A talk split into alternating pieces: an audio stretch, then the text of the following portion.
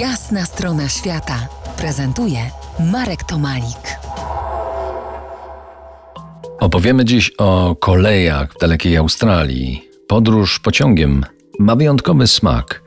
Niepowtarzalny ze smakiem podróży autokarem, samochodem czy przemieszczenia się samolotem. Choć przecież z góry więcej widać. W smaku kolei jest nostalgia, której jesteśmy dłużnikami, czy tego chcemy, czy nie. Jak to wygląda w Australii? Podróżowanie koleją w Australii to dziś niemal fanaberia. Połączenia są rzadkie, bilety drogie, a sieć linii kolejowych ustępuje sieci autokarowej, a także, a może przede wszystkim lotniczej. A jednak kolej w Australii znajduje amatorów, szczególnie na dłuższych trasach, choć najlepszym i najczęściej wybieranym środkiem lokomocji od lat pozostaje samochód. Podobnie jak w Europie, koszty wielokrotnych przejazdów pociągiem można ograniczyć, kupując jedną z wieloprzejazdówek.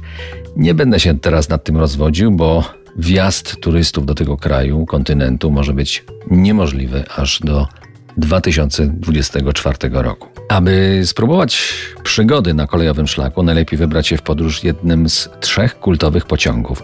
Pierwszy z nich, The Gun, to prawdziwa legenda. Nazwa pochodzi od wielbłądników, którzy byli zwerbowani z Afganistanu w drugiej połowie XIX wieku, aby prowadzić karawany wielbłądów przez centrum Australii przez lata, aż do lat 30.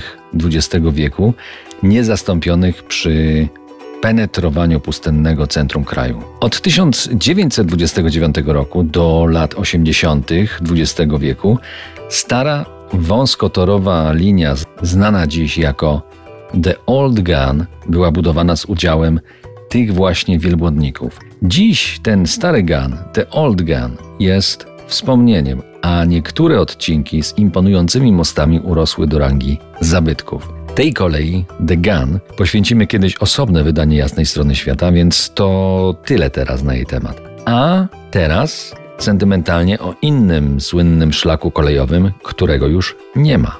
Od 1998 roku do 2003 sunął po szynach wschodniego wybrzeża Great South Pacific Express.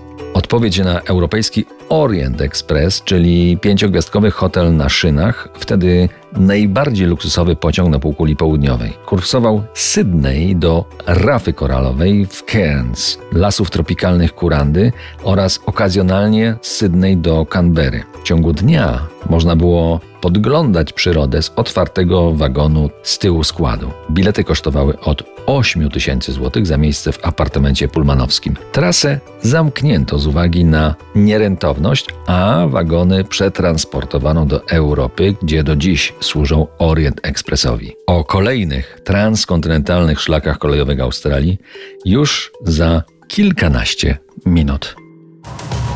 To jest jasna strona świata w RMS Classic.